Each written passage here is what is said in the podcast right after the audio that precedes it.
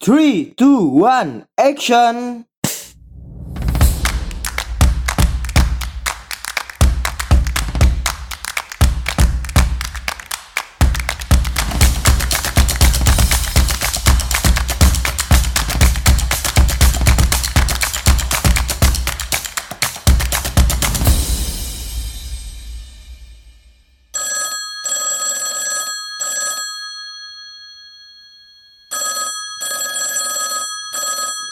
Halo, selamat datang kembali di Pod by MA, tentunya di program Anak Komunikasi. Ya, para pendengar Pod by MA, pada pertemuan yang lalu kita sudah membahas tentang dari tema, judul, sampai ke kajian pustaka. Dan kemarin juga sudah kita sempat membahas tentang kerangka teori, ya sampai pada akhirnya kita membahas tentang metodologi penelitian. Nah, metodologi penelitian ini kalau kita sinkronkan dengan kajian pustaka ya, ini tepat banget. Karena di kajian pustaka itu salah satu yang dikutip ya, dan yang kita kutip dari penelitian-penelitian terdahulu adalah tentang metode. Nah, metode ini menjadi penting di antara semua subbab-subbab ya. Jadi karena ya kita pelajari tentang metode penelitian, jadi alur nantinya kita di pembahasan, kemudian di analisis, selanjutnya sampai kesimpulan dan saran nanti. Nah, itu tuh semuanya tertera di metodologi penelitian. Bagaimana cara kita nanti mendapatkan hasil, bagaimana cara kita nanti menganalisis sampai akhirnya menjadi kesimpulan, semuanya itu diolah dan acuannya adalah metodologi penelitian. Nah, di metodologi penelitian ini ada bermacam-macam ya jangan sampai salah kaprah nanti menganggap oh kok ini ngebahasnya tentang jenis penelitian ini isinya tapi kok uh, ternyata pembahasannya itu berbeda dari uh, dari yang lain-lainnya dan beda isu yang dianalisis itu juga beda di metodologi penelitian. Nah, contohnya ini saya langsung praktek aja ya. Waktu di S1 saya menganalisisnya analisis yaitu reception analysis itu penelitian turun ke lapangan kemudian menganalisis penerimaan orang ya yang mereka itu merasakan kemudian menyaksikan dan mereka uh, mulai membahas dan mereka itu memberikan penilaian terhadap apa yang mereka lihat. Nah, kalau di tesis saya waktu S2, kajian saya itu nggak turun ke lapangan. Kalau S1 tadi turun ke lapangan wawancara orang, kalau di S2 saya itu menganalisis isi atau menganalisis koran, menganalisis pesan-pesan dalam media. Nah, dengan perbedaan ini saja di metodologi penelitian bahasanya itu juga beda. Jadi model, kemudian uh, subbab-subbab di dalam metodologi penelitian itu juga berbeda satu dengan yang lainnya. Yang pertama yang paling sering dimunculkan yaitu adalah jenis penelitian. Nah, jenis penelitian ini adalah menjelaskan misalkan apakah penelitian kita itu kualitatif, apakah penelitian kita itu kuantitatif kalau misalkan kualitatif berarti itu dia kayak semacam analisis isi analisis penerimaan orang-orang terhadap sebuah pesan kemudian kita menganalisis tentang keadaan lingkungan dan lain-lain. Nah, sedangkan kalau kuantitatif kita itu banyak uh, semacam kayak menganalisis perkembangan, kemudian penilaian dengan angka-angka seperti itu. Nah, di jenis penelitian ini seperti tadi ada penjelasan tentang kualitatif dan kuantitatif. Dan biasanya juga di jenis penelitian, kalau penelitian isi ya, kita menggunakan analisis itu menggunakan uh, apa? Menggunakan pisaunya siapa. Contohnya waktu saya S2 itu saya menganalisis tentang analisis wacana kritis atau critical discourse analysis milik Norman Fairclough. Nah, itu dimunculkan juga di jenis penelitian. Dijelaskan apa dan bagaimana Norman Fairclough itu menjelaskan tentang uh, analisis wacana kritis seperti itu. Nah, kalau di S1 saya itu menjelaskan jenis penelitian lebih banyak pembahasannya ke kualitatif dan kuantitatif saja di detailnya ya. Jadi apa itu kualitatif, apa itu kuantitatif, itu dijelaskan tentunya kita ngambilnya dari buku. Sekaligus kita menjelaskan juga kenapa penelitian kita ini kualitatif, kenapa penelitian kita ini kuantitatif, dan kenapa sampai kita memilihnya itu kualitatif atau kuantitatif, itu juga dimunculkan. Dan selanjutnya, setelah jenis penelitian, yaitu informan penelitian. Nah kalau DS1 saya jelasnya informan penelitian, karena yang saya teliti itu adalah orang ya. Jadi saya jelaskan siapa orang-orang yang menjadi informan saya. dan itu dijelaskan juga kenapa misalkan kita itu uh, mengambil informan tersebut. Contoh misalkan kalau penelitian uh, sosial yang mewawancarai orang ya atau kualitatif itu itu kita bisa menggunakan beberapa metode-metode. Misalkan seperti uh, snowball sampling. Jadi kalau snowball itu kita misalkan ingin mewawancara tentang anak-anak SD menggunakan uh, gadget kayak gitu. Kita bisa menanyakan gurunya misalkan siapa yang paling sering atau siapa yang anak-anak yang sudah mulai memanfaatkan gadget dengan maksimal Nah, kemudian kita wawancara si A itu, masih siswa itu ya, ketika kita sudah tanyakan kepada gurunya. Setelah kita wawancara, kita tanyakan dia lagi, kamu tahunya itu siapa lagi yang menggunakan gadget seperti kamu. Nanti diberikan ke orang yang, ke anak-anak yang B misalkan. Setelah kita wawancara yang B, sampai yang ke C. Kapan selesainya? Nah, selesainya itu sampai kita nanti merasa setelah kita meneliti atau mewawancarai orang itu, jawabannya hampir sama semuanya ya. Ya bisa sampai 4 bisa sampai lima orang bisa sampai enam orang. Nah itu bebas. Sampai kita nanti semacam kayak puas setelah mendapatkan hasil yang berbeda-beda tapi setelah sudah sampai pada akhirnya nanti sama semua jawaban yang berbeda-beda itu barulah kita nanti berhenti untuk meneliti. Itu kalau kita misalkan menulis informan penelitian. Tapi harus ada kejelasannya juga ya. Misalkan SDA yang kita wawancara. Berarti harus anak SD itu. Dia menggunakan gadget. Berarti yang harus yang sudah punya gadget dan lain-lainnya. Nah itu maksud saya ada batasan-batasan juga dalam memilih informan penelitian. Gak sembarangan. Misalkan saya waktu meneliti tentang informan penelitian saya di recession analysis menilai masyarakat Sidoarjo Lumpur Lapindo ketika Abu Rizal Bakri ingin mencalonkan diri sebagai presiden. Nah, di situ yang saya analisis adalah orang-orangnya itu tentunya adalah orang-orang korban yang kedua adalah dengan berbagai latar belakang, background pekerjaan kayak gitu dan background ekonomi. Kemudian mereka yang benar-benar merasakan perubahan-perubahan entah itu kultur, entah itu ekonomi, entah itu apa pun lah semuanya karena di luar pintu tersebut. Ketika saya sudah menetapkan ini ini kriteria yang akan saya ambil, baru saya mencari. Atau misalkan saya lihat juga jenis kelaminnya harus seimbang. Kalau dua laki-laki harus dua perempuan lagi seperti itu. Nah, itulah untuk informan penelitian. Ya, kalau analisis isi, ya waktu saya S2 itu kan analisisnya koran. Nah, saya bukan informan penelitian karena bukan orang yang saya teliti, tetapi data ya atau atau isi pesan yang saya analisis. Nah, di situ yang saya ambil atau yang saya tulis adalah data penelitian. Data penelitian ini adalah bahan-bahan yang akan kita analisis. Contoh misalkan kategori koran yang saya ambil itu koran dari bulan apa sampai bulan apa atau dari tahun berapa sampai tahun berapa. Kemudian harus ada alasannya juga. Misalkan ketika bulan ini dia memberitakan tentang anak-anak bekerja. Karena saya waktu itu analisisnya tentang anak-anak di koran ya, di koran anak. Kemudian kita analisis kenapa harus bulan ini yang kita ambil. Atau kita mengambilnya hanya tiga eksemplar saja. Kenapa tiga eksemplar? Itu juga dijelaskan. Kalau penelitian lapangan atau wawancara orang, di subbab kedua, saya menulisnya adalah informan penelitian. Kalau di analisis isi atau analisis teks, entah itu analisis uh, televisi, analisis isi koran, itu saya tulisnya adalah data penelitian. Nah, itu makanya saya bilang di awal banget tadi, tergantung penelitiannya apa. Nggak mungkin ya kita misalkan meneliti tentang analisis isi film, analisis berita koran kayak gitu, atau analisis teks-teks gambar kayak gitu ya. Kita mewawancarainya kita tulisnya itu adalah informan penelitian. Ya karena bukan informan, bukan manusia, tapi kita menganalisis isinya. Maka di situ saya tulis adalah data penelitian. Tetapi titik berat yang perlu dipahami dari keduanya ini, entah itu wawancara orang atau informan atau dia menganalisis isi, semuanya itu harus ada batasan-batasannya. Kita harus ada alasan kenapa harus informan ini diambil dan kenapa kita misalkan analisis isi ya, kenapa harus teks yang ini kita ambil, kenapa harus edisi bulan ini kita ambil, kenapa harus edisi tahun ini kita ambil. Nah itu harus ada alasan-alasan ilmiahnya. Entah karena misalkan ya, kalau saya analisis isi tentang kekerasan anak kayak gitu.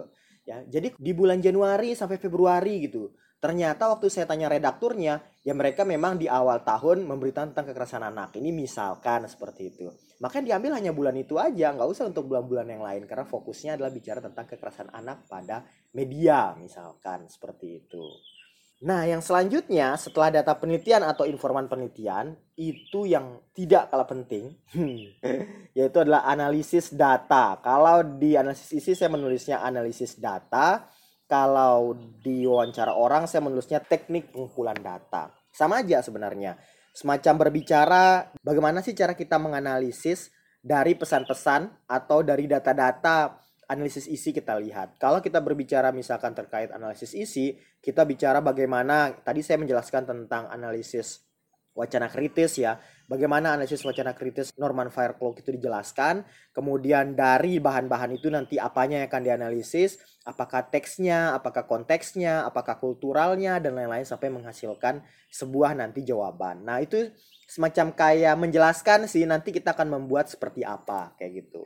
Nah, kalau di wawancara orang atau informan tadi ya di penelitian yang kedua saya itu misalkan kita itu bisa menulisnya dengan judul teknik pengumpulan data. Caranya misalkan ada studi pustaka, studi pustaka kita melihat-lihat buku, misal mencari sumber dari buku-buku, kemudian fokus group discussion atau kita diskusi grup karena wawancara modelnya, dan yang terakhir misalkan bisa wawancara mendalam setelah kita mau wawancarai dengan fokus grup discussion kayak gitu ya setelah kita mendapatkan sebuah jawaban kita kan sudah tahu kira-kira siapa yang akan kita dalami pertanyaannya. Maka nanti kita bisa memanggil satu orang itu untuk kita wawancara mendalam. Pengalaman-pengalamannya dan penilaian-penilaiannya terkait isu yang kita teliti seperti itu. Itu untuk penelitian yang uh, mewawancarai orang ya jadi tadi ada dua. Yang pertama itu adalah analisis isi. Kalau analisis isi sebutannya adalah analisis data. Bagaimana cara menganalisisnya dari metode tadi Norman Fairclough untuk menganalisis isi pesannya yang kita akan kaji tadi di uh, data penelitiannya itu. Bagaimana cara mendapatkannya nanti? Dijelaskan secara rinci. Kalau yang di mewawancarai orang, kita nulisnya itu teknik pengumpulan data. Bagaimana sih cara kita mendapatkan datanya? Sama ya sebenarnya ya. Kalau tadi analisis data itu adalah bicara bagaimana cara menganalisis teksnya, pesannya gitu ya. Kalau teknik pengumpulan data kita bicara juga bagaimana cara mendapatkan datanya, tapi kita jelaskan ada caranya wawancara mendalam, ada fokus group discussion, atau ada misalkan studi pustaka kalau kita mengkaji-kaji dari buku-buku dulu sebelum kita mewawancarai atau fokus group discussion. Sebenarnya sama semuanya ya keduanya ini, tetapi uh, tergantung penelitiannya nanti modelnya seperti apa. Dan yang selanjutnya adalah Biasanya juga ditambah kalau misalkan penelitian wawancara orang ya itu ada penambahan. Kita bisa menulis tempat dan waktu penelitian, misalkan tempatnya tuh lokasinya di mana spesifik. Kalau contohnya saya tadi analisis tentang masyarakat yang menilai tentang Rizal Bakri maju ke uh, kursi presiden misalkan kayak gitu mencalonkan diri Kemudian saya melihatnya itu yang saya wawancara adalah uh, masyarakat Lumpur Lapindo. Kemudian di daerah mana itu RT-nya RW-nya mana. Itu juga dijelaskan. Nanti sehingga diketahui oh ternyata di daerah ini yang diambil. Kenapa daerah ini juga ada alasannya. Kemudian waktu penelitian juga ini sangat penting kalau misalkan kita analisis turun ke lapangan. Karena untuk diketahui kalau wawancara mendalam, kemudian fokus group discussion itu, itu diperlukan kira-kira waktunya nanti berapa lama untuk teman-teman turun lapangan, analisis dan lain-lainnya. Nah biasanya kalau di analisis isi atau analisis isi pesan seperti itu ya, itu tidak perlu ditulis seperti itu. Nah itu untuk metodologi penelitian, tidak usah terlalu banyak. Intinya gini sih, untuk mendapatkan hasil nanti yang kita inginkan itu gimana caranya. Nah, itu perlu dijelaskan secara ilmiah.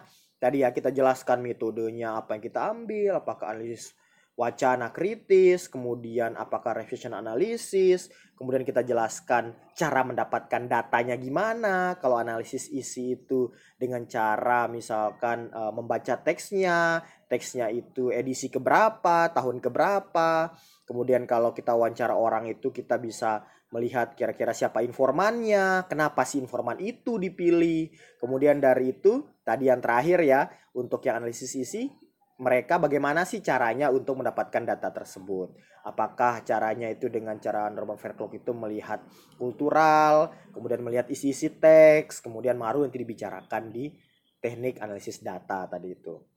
Nah, kalau yang di wawancara orang atau teknik pengumpulan data itu berbicara masalah bagaimana cara mendapatkan datanya, entah itu dengan wawancara mendalam, FGD, atau misalkan studi pustaka. Dan kalau untuk penelitian yang turun ke lapangan, nanti juga dijelaskan tentang waktu dan lokasinya itu di mana ya seperti itu. Nah, itu untuk pembahasan kali ini tentang metodologi penelitian.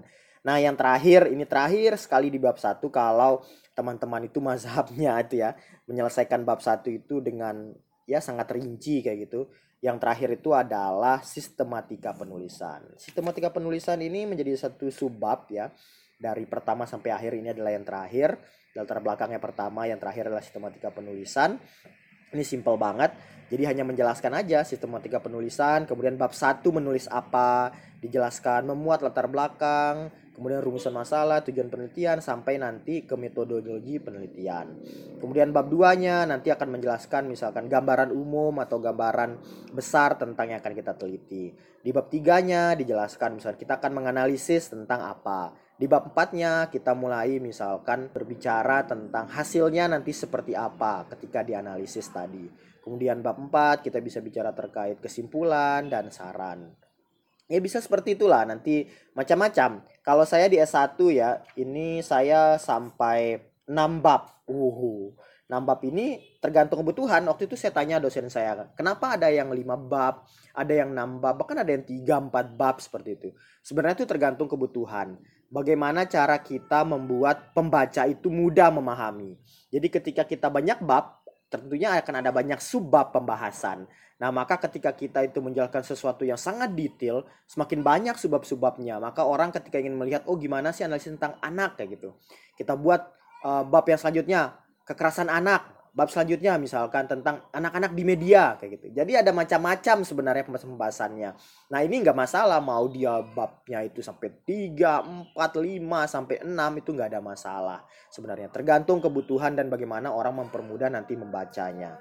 Seperti itu. Kalau di S1 saya ada 6, bab satunya itu pendahuluan yang isinya tadi dari awal terbelakang sampai sistematika penulisan. Kemudian bab 2-nya itu gambaran umum, bab 3-nya itu gambaran lokasi kemudian uh, bab duanya tadi tentang fenomena Luperlapindo ya karena saya menganalisis tentang Luperlapindo bab tiganya tentang gambaran lokasi penelitian. Bab empatnya saya mulai menganalisis berdasarkan metode saya. Bab limanya itu adalah hasilnya Nah ya, bab 6-nya terakhir adalah penutup dan kesimpulan. Kalau S2 saya lebih simpel, ini hanya 5 bab aja. Bab 1 seperti tadi itu ya dari latar belakang sampai sistematika penulisan, bab 2-nya itu adalah gambaran umum, bab 3-nya adalah analisis, bab 4-nya hasil, bab 5 kesimpulan dan saran seperti itu. Nah, para pendengar Pod BMA kita sudah selesai membahas dari pertama sekali itu adalah metode penelitian itu apa, kemudian bahas ke judul dan tema, baru kita masuk ke penulisan di penulisan itu ada latar belakang rumusan masalah tujuan manfaat kemudian sistematika penulisan ada kerangka teori, ada metodologi kita bahas sekarang dan yang terakhir adalah sistematika penulisan. Ya semoga teman-teman ya paham lah dan bisa mempraktekkan apa yang sudah dijelaskan dari awal sampai akhir sampai saat ini. Selanjutnya mungkin kita akan membahas tentang gambaran umum ya, tentang bab 2, bab 3, bab 4 baru kita masuk nanti tentang pembahasan kesimpulan dan saran juga. Kesimpulan saran mungkin akan kita gabungkan berbeda dibandingkan bab 2 dan bab 4. Yang selanjutnya mungkin kita akan jelaskan tentang semangat penelitian untuk anak-anak komunikasi. Nanti akan saya bagi tips-tipsnya gimana caranya untuk mendapatkan tema dan cara-cara uh, penelitian lah untuk anak komunikasi itu sendiri. Oke, para pendengar Pod MA, sampai ketemu di pertemuan selanjutnya tentunya di program anak komunikasi dan semoga pertemuan-pertemuan dari awal sampai akhir ini bisa bermanfaat untuk teman-teman. Akhirnya ini adalah akhir di bab satunya ya, bukan akhir semuanya. Oke, terima kasih sekali lagi. Sampai ketemu lagi di pertemuan selanjutnya. Yo.